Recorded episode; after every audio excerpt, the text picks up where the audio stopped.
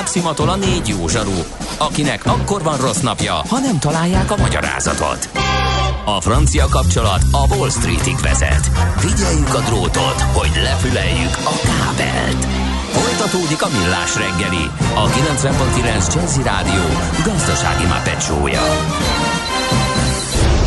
A pénznek nincs szaga.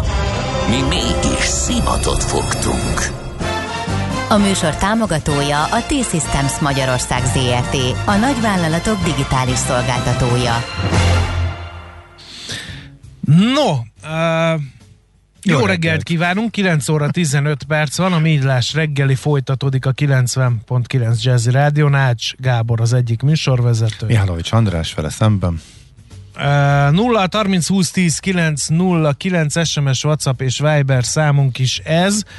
Közlekedési információk annyi jött, hogy kettő baleset is nehezíti a közlekedést a fővárosban. Az egyik az a Gyáli úti felüljáron történt néhány perccel ezelőtt befelé, a másik pedig a 19. kerületben a Vagbottyán utcában a Simonyi Zsigmond utcánál észlelhető. Köszönjük akkor azoknak, akik megírták ezeket az információkat. No, hát pattanjunk rá akkor a következő témánkra. Mit szólsz hozzá? Rögtön annyit tennék hozzá, hogy most pillanatnyi esőszünet van a fővárosban, és a következő csapadékzóna az egy olyan 20-25 perc múlva eléri. 23 a perc, 42 másodperc múlva 41, éri. de majdnem eléri a főváros. Utána viszont már úgy tűnik, hogy egy tartósabb csapadékszünet lesz a javán, már túl lehetünk. Persze nem lehet elkiabálni, még töltődhet ez a ciklon. De ennél sokkal fontosabb, ami most jön. Nem ma, és nem mi találtuk fel a spanyol viaszt. Mesél a múlt. A millás reggeli történelmi visszatekintő rovata akkor, abból az időből, amikor pödört bajusz nélkül senki nem lehetett tőzsdeüzér. Érdekességek, évfordulók, események annó. Mesél a múlt. Így trédeltek dédapáink. Támogatója a Bártfai vendéglő Magnific BT. Katona Csaba a Bártfaiban élőben. Egy elfeledett márciusi ifjúról fogunk beszélgetni Degré Alajosról, és engedtessék meg, hogy egy személyes emlékkel kezdjem ezt a megemlékezést. A Mező Imre úttörő csapatban éveken keresztül ugyanazt a március 15-e és ugyanazt a november 7-i ünnepséget adtuk elő. Utóbbi nekem az az egymondatos szerepem volt, hogy John Reed, amerikai újságíró, így emlékszik a történtekre. Vissza a sorba, jött a következő delikvens, folytatta. A március 15-i ünnepségen pedig ez volt a szövegem, hogy a szakadó eső dacára mintegy 10 tízezer ember gyűlt a múzeum elé, majd vissza a sorba. És ugye felsorolták a márciusi ifjakat, ugye Irinyi Józsefet, Vasvári Pált, Jókai Mort, Vidács János, és mentségünkre legyen mondva már, mint a mezőimre úttörő csapat mentségére, hogy ott benne volt Degré Alajos is emlékeim szerint. De valóban, ha utána nézünk a márciusi ifjaknak, akkor nem ő a leginkább emlegetett eh, márciusi ifjú, hanem Petőfi Sándor, meg Vasvári Pál, meg Jókai Mor. Uh, hogy miért van ez így? Na, ennek fogunk utána járni Katona Csaba történésszel. Szervusz, jó reggel! Jó reggelt kívánok, és szívmelengető volt hallgatni ezeket a személyes emlékeket, mert hasonlókban nekem is volt részem, ugye a március 15-éről általában az rögzült, hogy Budára, Budára a helytartó tanácshoz nyittassuk meg Stancsics börtönét, meg más néhány ilyen beégett mondat. Azt közösen kellett mondani nekünk. Így van. Tehát kvázi a tömeget reprezentálva. És miért mondták Stancsicsnak? Mert ez volt az eredeti neve. Tehát Ugye a táncsics az már egy egyszerűsített verzió, az a S betű ott a Aha. magyar hangzásban kicsit bután hangzik, meg nehezen mondjuk, és akkor elkopott az elejéről. De, mi, a... de mi meg röhögtünk Ezt azon, hogy rosszul tanították, és mi direkt Aha. hangosan mondtuk, hogy Stancsics börtönét, mert azt hittük, hogy az irodalom tanár rosszul tanította, és ez nem hát is Még Stancsics. derül neki 40 évvel Tancsics. később, látod, látod. Na, én, jó. értelemben 170 évvel később. Igen, igen, szegény Stancsics, akkor használjuk így. No, de mit lehet tudni a márciusi ifjakról, és azon belül is Degré Alajosról, hogy szegődött ő a márciusi ifjak e, mozgalmára? Hát ő reformeszmék elkötelezett híve volt, és e, mind a mellett pedig egy óriási Kossuth rajongó, hiszen tudjuk, hogy a reformeszmék hívei nem feltétlenül alkottak mindig mindenben egységes tábort. Degré Alajos a Kossuthnak tényleg az egyik legelkötelezettebb híve volt, és az is maradt haláláig. De hogy visszatérjünk rögtön az elejére, amit felvetették kérdés, hogy miért ő van kevésbé előtérve, miért Petőfi, és mondjuk miért Jókai. Hát azért, mert egyszerűen fogalmazva nagyságrendbeli különbség volt köztük, ami ne, semmit nem mond Degré Alajos érdemeiből, mert ugye zsenikkel mérjük össze, de nem adatik meg mindenkinek, hogy zseni legyen. Ezzel együtt az ő életpálya némiképp hasonlatos a előbbi két úri emberéhez. Jókai Éval annyiban is összemérhető, hogy ő maga is működött íróként, illetve neki is viszonylag hosszú élet adatott, mert ugye Petőfi Sándorról ez sajnálatos módon nem mondható el. 77 évesen hunyt el Degré Alajos 1896. november 1-én. Ez a évforduló, ez a 125 évvel ezelőtt bekövetkezett sajnálatos esemény adja most az alkalmat, hogy megemlékezzünk róla, de szokásunkhoz híven fókuszáljunk a életére. Próbáljuk meg egy picit mérlegre tenni írói tevékenységét, ez némiképp választ fog arra adni, hogy miért van ő ma kevésbé előtérbe. Meg próbáljuk meg áttekinteni az életét. Írói tevékenységéről röviden, most felolvasnék néhány olyan munkát, ami a, vagy munkacímet, ami az ő tollából került ki, akkor tegyük fel azt a kérdést, hogy vajon ma hány ember dobja el a képzésében tartott laptopot, telefont, bármit, és rohan azonnal az antikváriumba, ha meghallja az alábbi címeket. Kalandornő, kedélyrajzok, eljegyzés állarc iparlovag, a számüzött leánya, az elzárt gyámleány, bőkezű uzsorás. Mondjuk az iparlovag engem elgondolkoztatott. Engem meg a bőkezű uzsorás bele lehet ilyenbe nyúlni, pártok és vezérek az országházból írtai volt képviselő és más hasonlók. Azért lássuk be, hogy picit avittosnak tűnnek mai fogalmaink szerint ezek a címek, ebben éppenséggel van is valami. Mielőtt bármi másra rátérnék, és tényleg megismernénk az életét, én hadd idézzek néhány értékelést az ő irodalmi munkásságáról. Hát kezdjük talán a Sőtér István által jegyzett, az ő főszerkesztésben megjelent magyar irodalom történetből, idézem, ekkori bőséges terméséből nem is érdemel említést egyéb Salvator Róza című történelmi regényénél. Ennek is inkább csak a téma választása. Főhőse a 17. századi olasz festő, zsarnok ellenes és forradalombaranát jelenetei, néhány lélektani finomsága kelthet figyelmet. Munkásságában hiába keresnünk akkor az eredetiséget, a magyar levegőt, tanúskodik erről a divatos Style Coupé zabolátlan alkalmazása is. Csak nem egész fejezetet alkot a Salvator Rózában tőmondatos dialógusokból. Egyébként tényleg. Tehát fogalmazunk úgy, hogy nem emeli őt a sőtérféle értékelés a magyar irodalom legjobbjai közé, sőt, konkrétan még azt is leírja, hogy az emlékiratainak a két kötete legmaradóbbnak bizonyult munkája, felmentésként közli, Degrén kívül többen is akadtak a kortermékeny írói közül, akiknek csak az emlékiratai állták ki az idő próbáját. Ez némiképpen... Na ez a vitriolos kritika. De szegény Degré ezt olvashatta ezt a véleményt, hogy csak az emlékiratai... Ez, nem, ez, ez, ez nem olvashatta. De akkor hadd idézek még valakit, Mixát Kálmánt. Művei nem ilyen dicsekedhetnek eredetiséggel, nem egyebek, mint a francia szalonregények utánzatai.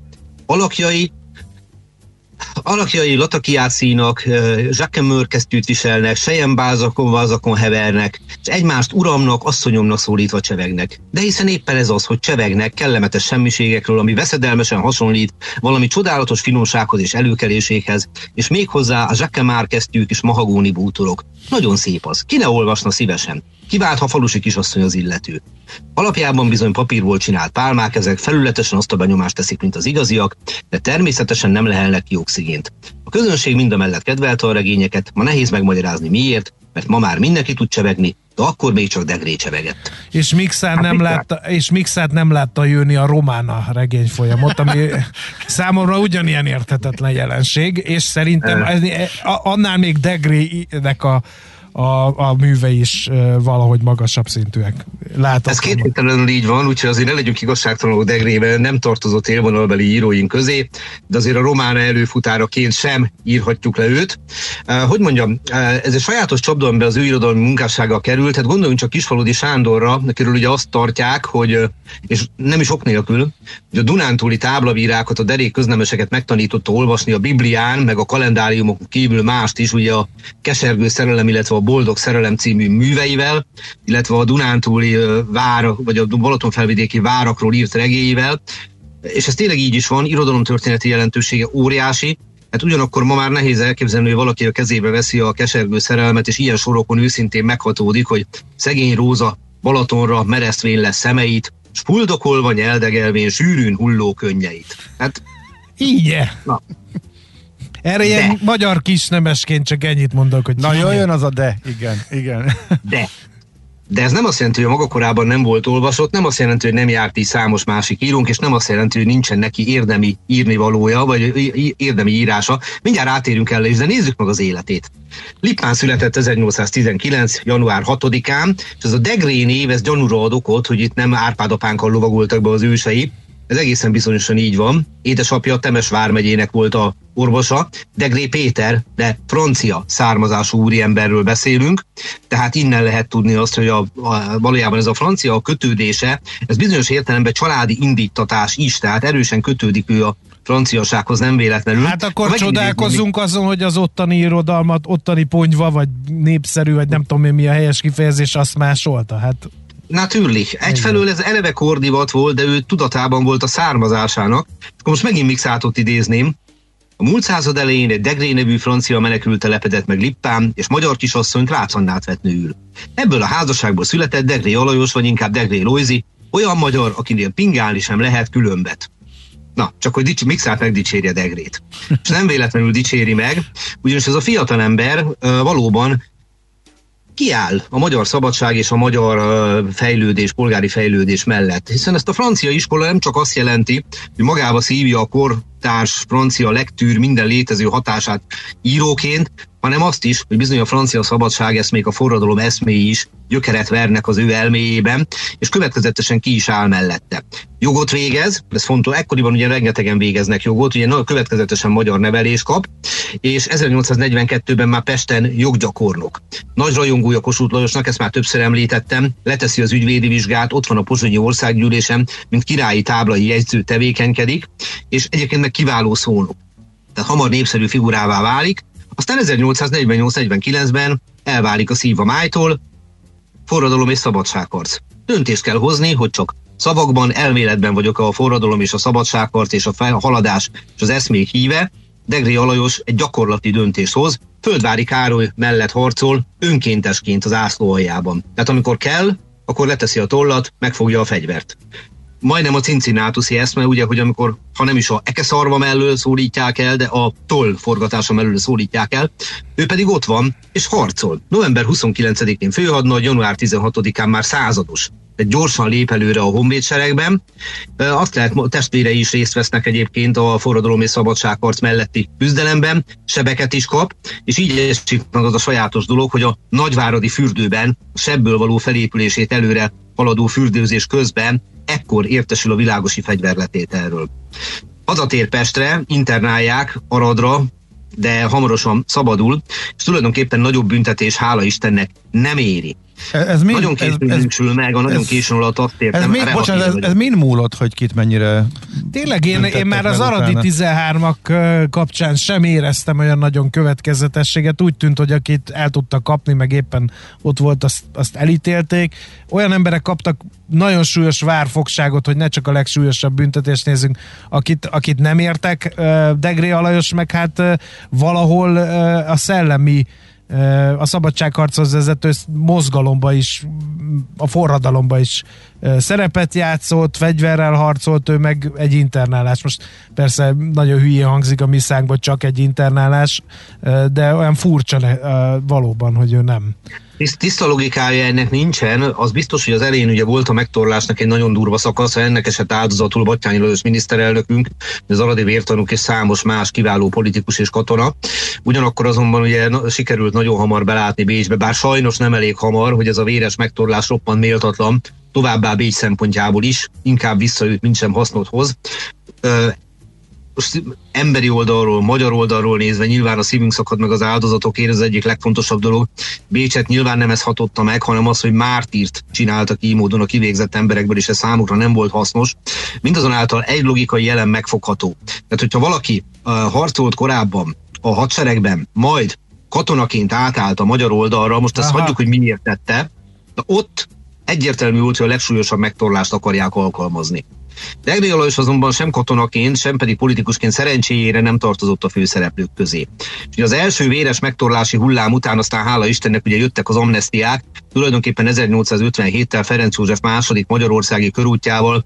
Lényegében szinte mindenkit kiengedtek, ezért fordulhatott elő, hogy őt nem sújtották a legvéresebb megtorlással, nem tartozott az élvonalbeli emberek közé, ez aztán valószínűleg hozzájárult ahhoz, hogy ő nem is került be azok közé, akiket a legdurvábban, tehát halálos ítélettel sújtottak. Az, is egy, az is egy érdekes számomra, hogy ezek az emberek, akik annak idején ugye tevékeny részesei voltak a forradalomnak, meg a szabadságharcnak, vajon hogy élték meg a kiegyezést? Degrétől maradt fent valami, hogy ő neki mivel író ember volt, csak írt valamit, az, más nem az emlékirataiban, hogy hát tetszik, nem tetszik, de le kellett nyelnünk a békát, vagy valami ilyesmi jelzést adott ő, hogy hogy érti a haza érdekét, de azért nincs kibékül, vagy az a, az a császár legyen. Jó Aha. szükségességét belátta, és a szükségessége valóban elkerülhetetlen volt. Ugyanakkor azonban, hogy említettem, ő Kossuth megveszekedett híve volt a szó jó és rossz értelmében egyaránt, tehát haláláig Kossuth pártján volt, Kossuth pedig hát nem lehet azt mondani, hogy a kiegyezésnek az élharcosa lett volna, és akkor még finoman fogalmaztam. De ez a fajta kettőség, ez ugye rengeteg embernek a lelkében meggyökerezett ebben az időben. Ugye van az a klasszikus anekdota, hogy hány olyan magyar háztartás volt, ahol a falon lógott szeretett császárunk és királyunk, Kaiser und König, Franz József képe, mellette pedig Kossuth Lajosé. Tehát ez a fajta kettőség nem volt annyira szokatlan ebben az időben megbékélt ő ezzel a világgal, szerintem ennek a jele az is, hogy megnősült és számos gyermeket nemzett, Aha. öt vagy hat gyereket született, úgy, hogy majdnem 40 éves volt, amikor megnősült. Tehát, hogy elég későn vágott bele. Koller Amália Annát vette feleségül, és folyamatosan ír, tehát az írói tevékenysége se rendül meg, úgyhogy valójában azt kell mondjam, hogy elfogadta a kiegyezést, amit az is mutat, és ez nem elmélet, hanem gyakorlat, hogy 1870-től Vác, vagyis a lakóhelye képviselője lett betöltötte ezt a pozíciót. Ha pedig valaki a Magyar Országgyűlésben képviselő, akkor nolens volens, tetszik, nem tetszik, de de facto elfogadta a kiegyezést.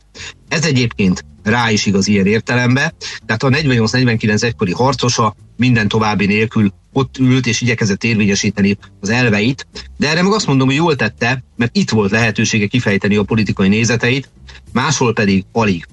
A, viszont, hogy visszatérjünk ahhoz, hogy mi az, ami miatt Szeretném az ő személyét előtérbe emelni. Hát legutóbb 1983-ban jelentek meg a visszaemlékezései. Na és ha valaki akar egy eleven és szórakoztató anekdotárat olvasni a kiegyezésig vezető útról, vagy pontosabban leginkább a reformkorról, meg 48-49-ről, vagy az azt követő időszakról, akkor az vegye a kezébe Degré Olajost. Érdemes ugyanis.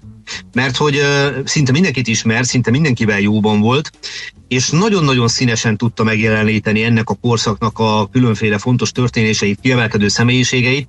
Megint csak idézném azt az olasz mondást, amivel már többször találkoztunk, hogy sino ne vero e ben trovato. Ha nem is igaz, de jellemző. És akkor hadd idézzem tőle a egyik kedvenc anekdotámat. Ezt most nem is csak elmesélni szeretném, hanem azért olvasom föl, hogy érezzük a stílusát is, meg hogy mit tett hozzá. Történet lényege, hogy 1852-ben Ferenc József ellátogat Magyarországra, és fogalmazunk úgy, hogy nem ő a legnépszerűbb ember ebben a hazában.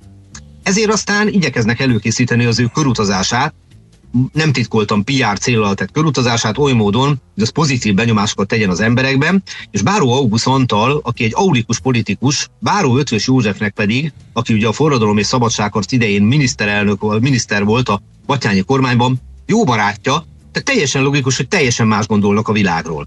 Hát ugye August a király feltétlen híve, Ötvös pedig nem. És akkor ő kapja azt a feladatot, mármint August, hogy készítse elő az uralkodó Pesbudai útját. Innen idézem. Báró August Antal helytartó felkérte Báró Ötös Józsefet, mondjon neki valami tervet a fogadtatásához. Ne kerüljön valami sokba, de a felséget lepje meg, és a népnek is örömet szerezzem. Ötös kelletlenül vállat vonsz, odavetőleg mondá. Nem tudok semmit. Egy kis szünet múlva azonban elkezdte. Tár mégis. August örömtől sugárzó szemekkel biztatta. Nos, nos, ő felsége a hídon hajtat át? Természetesen.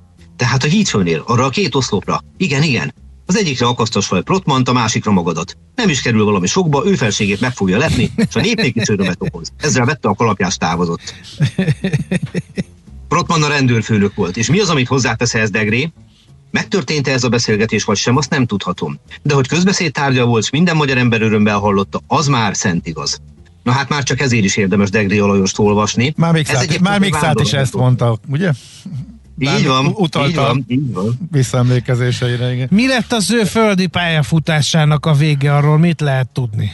Ugye országgyűlési képviselő? békében uh-huh. nyugodtan halt meg Budapesten, boldog családi körben, addigra már ugyan elbukta a Váci képviselőséget Rádai Gedeonnal szembe, ami nagyon-nagyon nem esett jól neki, de hát az ilyesmit illik tudomásul venni.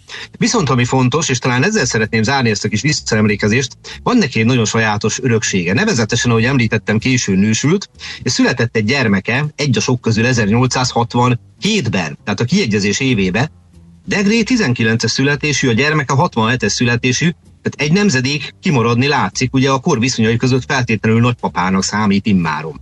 És ez a gyermek, Degré Miklós kiváló bíró és büntetőjogász lesz, vagy fogja magát, és előbb-utóbb ő is megnősül, és ő is nemzett gyermeket, és ez a gyermek nem más nevet kap, mint Degré Alajos, tehát megörökli, ugye, a nagypapának a nevét, 1909-ben születik. Akkor most számoljunk.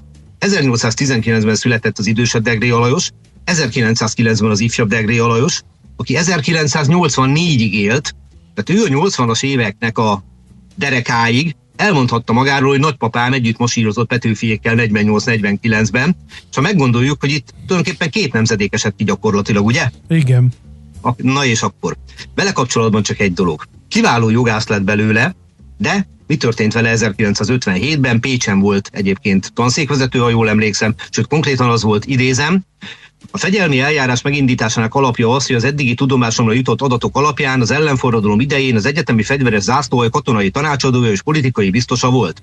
Mint hogy ezen magatartás valóságos, valósága esetén a népi demokrácia állami és társadalmi rendjével szemben áll, és mert a megvalósítani látszó fegyelmi védség mind súlyára, mind természetére tekintettel munkahelyéről való távoltartása szükséges.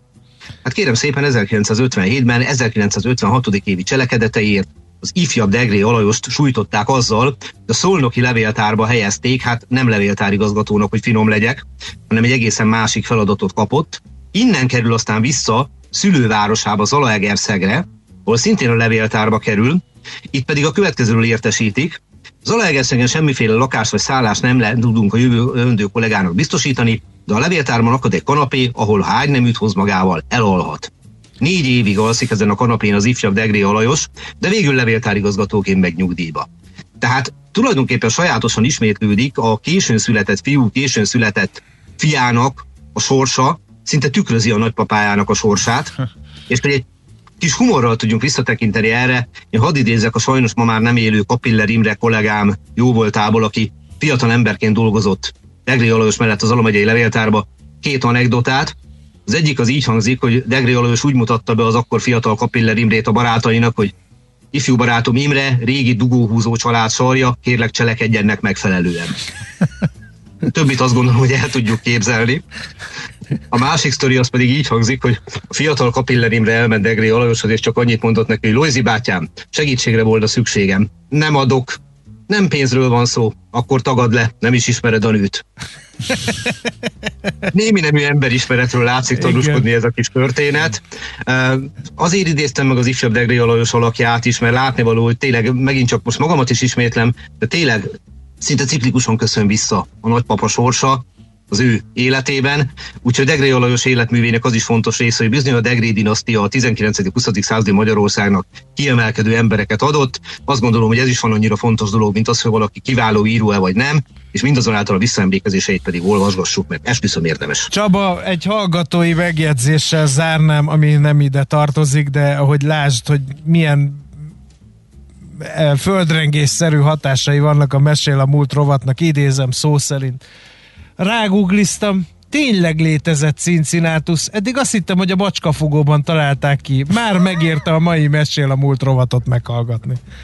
Hát örülünk, örülünk. Azt hiszem, hogy lassan falaznunk kéne egy, egy Cincinnatus mesél a múltot. Mit szólsz hozzá? Tegyük azt, tegyük azt, hát most miért ne tehetnénk. Jó. Ha már így tényleg minden, egy fél ország hiszi azt, hogy ez egy macskafogóba egy ilyen beszélő név, pedig Egyébként nem. ilyen karakter már elfért volna, de ez egy más kérdés. Igen, igen. Köszönjük szépen! Szép Sziasztok, napot, szia! Jót. Katona Csaba történésszel idéztük fel egy elfeledett március ifjú Degré alajos alakját, illetve Cincinnatusét is, aki létezett, és nem a macskafogó egyik sztárja. Mesél a múlt rovatunk hangzott el. Kövesd a múlt gazdasági és tőzsdei eseményeit kedreggelenként a Millás reggeliben. Támogatója a Bártfai vendéglő Magnific BT Katona Csaba a Bártfaiban élőben. Műsorunkban termék megjelenítést hallhattak. Következő műsorunkban termék megjelenítést hallhatnak. Kősdei és pénzügyi hírek a 90.9 jazz az Equilor befektetési ZRT szakértőjétől. Equilor, 30 éve a befektetések szakértője. Varga Zoltán szenior elemző a vonalban, jó reggel, szia! Jó reggel, sziasztok! Pörög a biznisz a budapesti értéktősdén? Igen, de főleg Richterben, ugye pénteki bejelentésre, mm-hmm. illetve tájékoztatásra reagálva közel 3%-os pluszban van most a Richter árfolyam, és a legnagyobb forgalmú vezető részén majdnem 1,2 milliárd forint értékben cserélt gazdát eddig. De hát már pénteken is reagált rá, napközben már ment napközben Így van, is. utána a nap végére kicsit visszaadták, és akkor ma, ma folytatódik az emelkedés, tehát most ismét pozitív reakció látható most 8960 forint, de volt 9000 forint felett is az árfolyam nem régiben.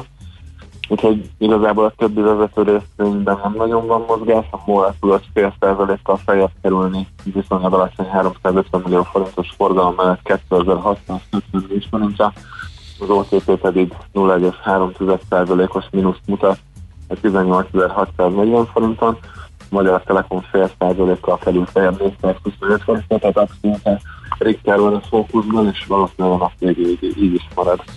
Jó, valami olyan piaci mozgás, bejelentés, makroadat, ami, ami akármilyen irányba befolyásolhatja a tőzsdei kereskedést, az várható a, a héten, vagy ma?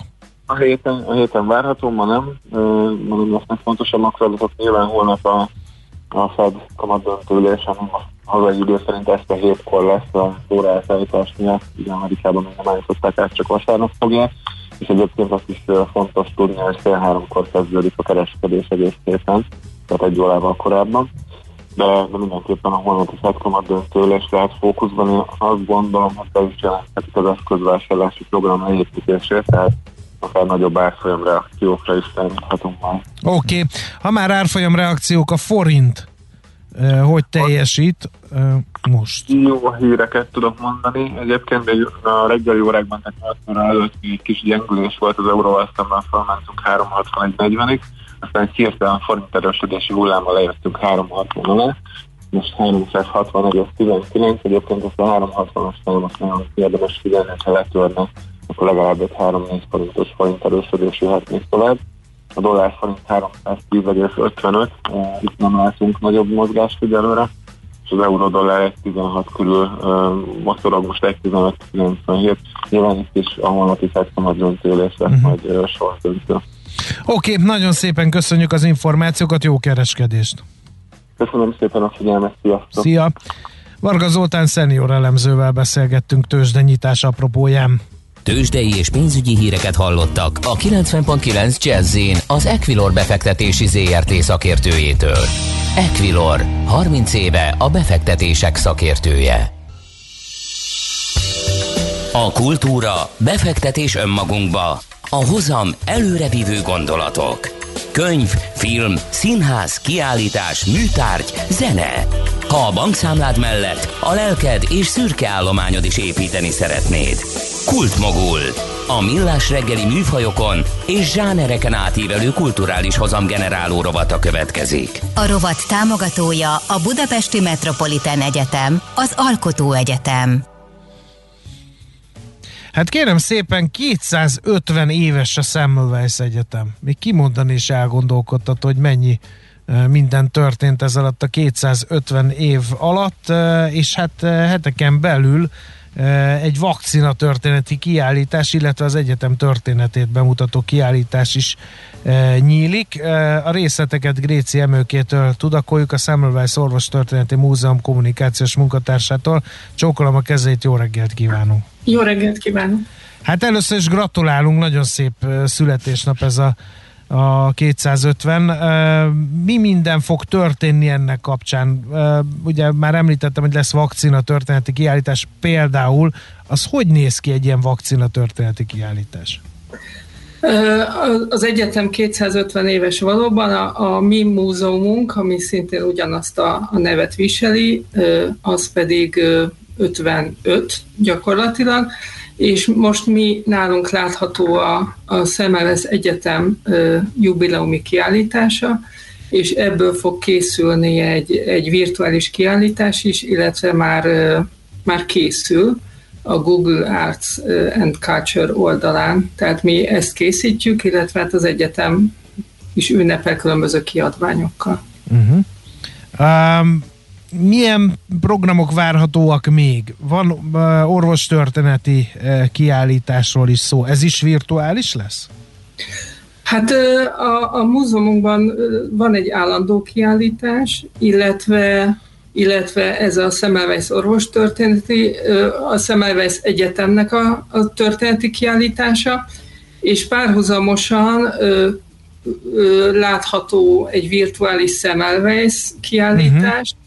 Amikor a, a kitört a világjárvány, akkor a akkor az intézményünkre, illetve a Semmelweisre nagyon nagy nemzetközi figyelem összpontosult. Ugye Semmelweisről azt mondják, hogy a kézmosás feltalálója, ami hát így ebben a formában nem igaz hiszen a kéz nyilván korábban is mostak kezet az emberek, de ugye az a, az a, az a felismerés, hogy nagyon sok betegség vagy korokozó terjedése állítható meg a fertőtlenítős kézmosással, ez valóban Semmelweisnek a, a nagy találmánya, és ezért nagyjából tavaly előtt márciusban, amikor a világjárvány elindult, akkor akkor a, a Google felületen legkeresettebb ö, találatok között volt a nemzetközi viszonylatban Semmelweis neve.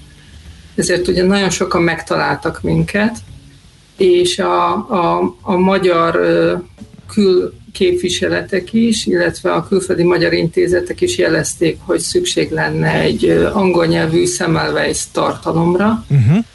és ezt a virtuális kiállítást készítettük el, és szintén érkezett megkeresés, hogy egy járványtörténeti, illetve vakcina történeti kiállításra is szükség lenne, a magyar orvostörténet mindig élen járt ezekben, a, vagy hát a nagyon, hogy úgy mondjam, nagyon elő volt ezekben a felfedezésekben, és a mi múzeumunk sok dokumentummal és tárgyal rendelkezik, amivel ezt lehet illusztrálni. Uh-huh. Úgyhogy jelenleg zajlik ezeknek a, az anyagoknak a feltöltése a, a, a virtuális nagy gyűjteménybe, és ebből pedig virtuális kiállítás fog Aha. még hogy, idén. Hogy került a képbe a Google?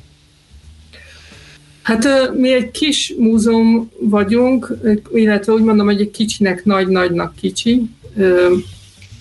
Tehát nagyon sok pénzünk fejlesztése nincs, ellenben, mint mondtam, külföldön nagyon sokan kerestek minket, és egy olyan felületet kerestünk, amelyik, amelyik nemzetközi.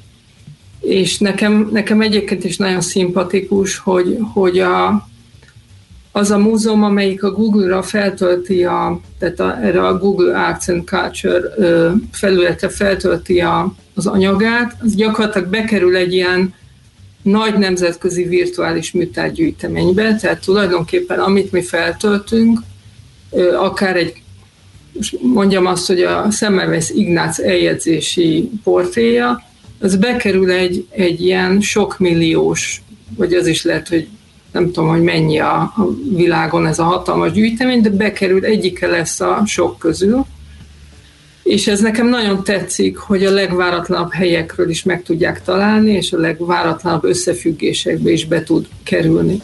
Tehát egyfelől nagyon klassznak, nagyon látványosnak és nagyon modernnek érezzük azt a felületet, ami a Google-nek a uh-huh. virtuális múzeumi felülete.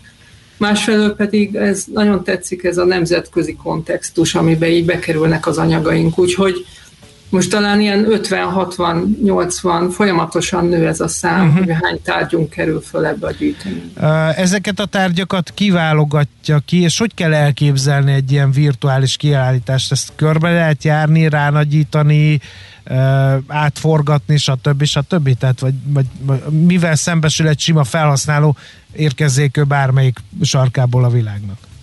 Hát olyan egyébként, olyan is lehetséges, hogy, hogy kvázi panorámaképként lefotoznak egy kiállító teret, és akkor rá lehet menni az egyes tárgyakra, rá lehet zoomolni, és akkor feljönnek azok az információk, amik ahhoz a tárgyhoz kerülnek. Tehát így tulajdonképpen egy, egy olyan kiállítást lehet rögzíteni az örökké valóságnak, hát ameddig internet van, uh-huh. de hogy hogyha egy kiállítás bezár, akkor onnantól kezdve hiába van róla mondjuk egy, egy katalógus, az nem járható be többet de egy virtuális kiállítás lehetővé teszi, hogy, hogy ugyanúgy, mint, a, mint az utca kép, tehát ugyanúgy bejárható egy kiállítás a továbbiakban. Ez az egyik változata, a másik változata pedig az, amikor egyszerűen kvázi, mint egy ilyen sztori meséli el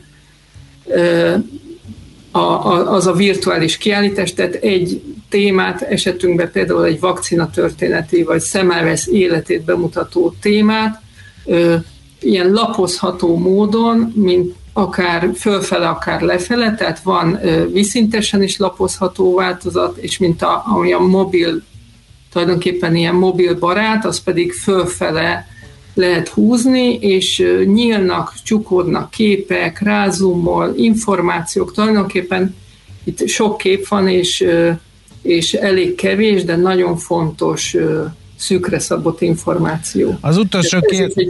Igen, Ez is bocsánat. egyfajta virtuális kiállítás. Az utolsó kérdés pedig az, hogy hogy jön össze Harry Potter az Arancsas Patika Múzeummal? Mert ez egy hát igen úgy, érdekes kezdeményezés, tekintve, hogy a fiatalabb korosztály körében dúl ez a Harry Potter láz, és hát ezt tök jó meglovagolni ismeretterjesztésre, de hogy jön össze a, Patika Múzeummal?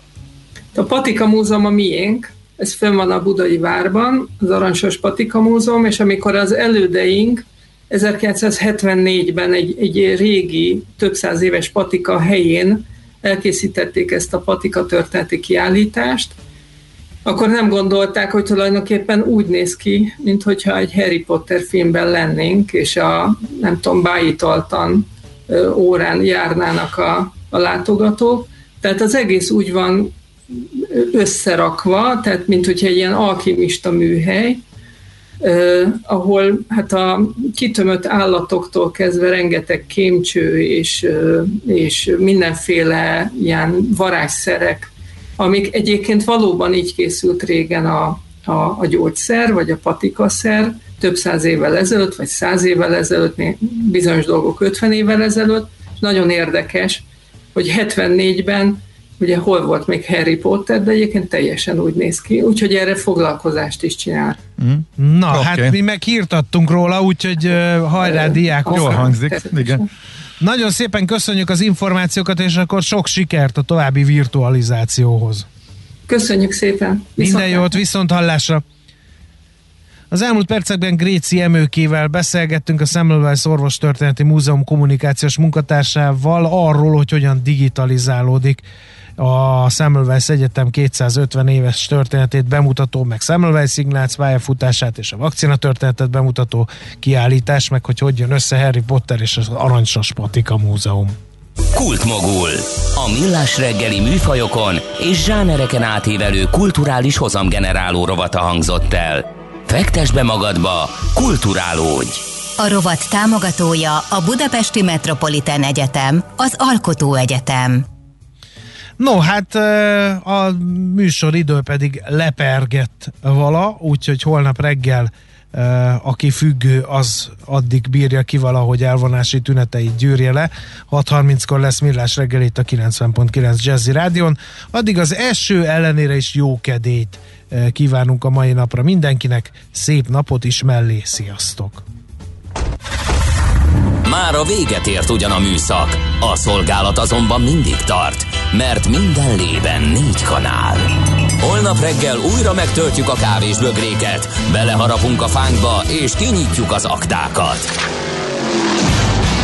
Addig is, keressetek minket az arcaktákban, a közösségi oldalunkon. A mai adás podcastjét pedig holnapunkon. Millás reggeli, a 90.9 Jazzy Rádió gazdasági mapetsója. Ha csak egy műsorra van időd idén, tégy róla, hogy ez legyen az. Csak egy dolog lenne még. A műsor támogatója a T-Systems Magyarország ZRT, a nagyvállalatok digitális szolgáltatója.